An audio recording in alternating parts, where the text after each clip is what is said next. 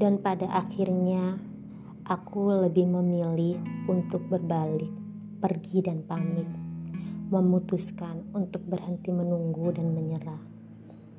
Aku pun sama, manusia biasa sepertimu dan dia. Sama-sama bisa merasakan lelah dan juga sakit. Sama-sama ingin merasakan tenang dan bahagia. Maaf, aku tak cukup kuat untuk sekedar menjadi tempat transitmu. Maaf jika aku belum cukup nyaman untuk menjadi rumahmu.